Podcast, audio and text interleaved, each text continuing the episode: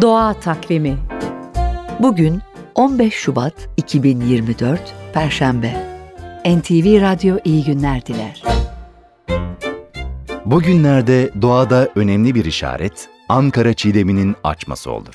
Ankara çiğdemi Şubat ayında açar ve baharın yaklaştığını müjdeler. Bugünler Hititler döneminde An Tahsum adıyla Bahar Bayramı olarak kutlanır, törenler tam 38 gün sürermiş.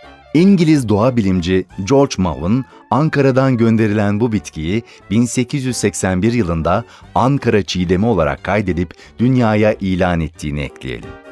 Doğada gezerken rastlayabilirsiniz. Aklınızda bulunsun. Küre Dağları'ndan baharın müjdecisi kardelenlerin görüldüğü haberi geldi. Her yıl Mart ayında çıkan kardelenler bu yıl sıcak hava nedeniyle erken açtı. Çanakkale'nin Çan ilçesinde elma ağacı Aralık ayında meyve vermişti. Kırklareli'de badem ağaçları, Kocaeli'de de erik ağaçları Ocak ayında çiçek açmıştı. Doğa Takvimi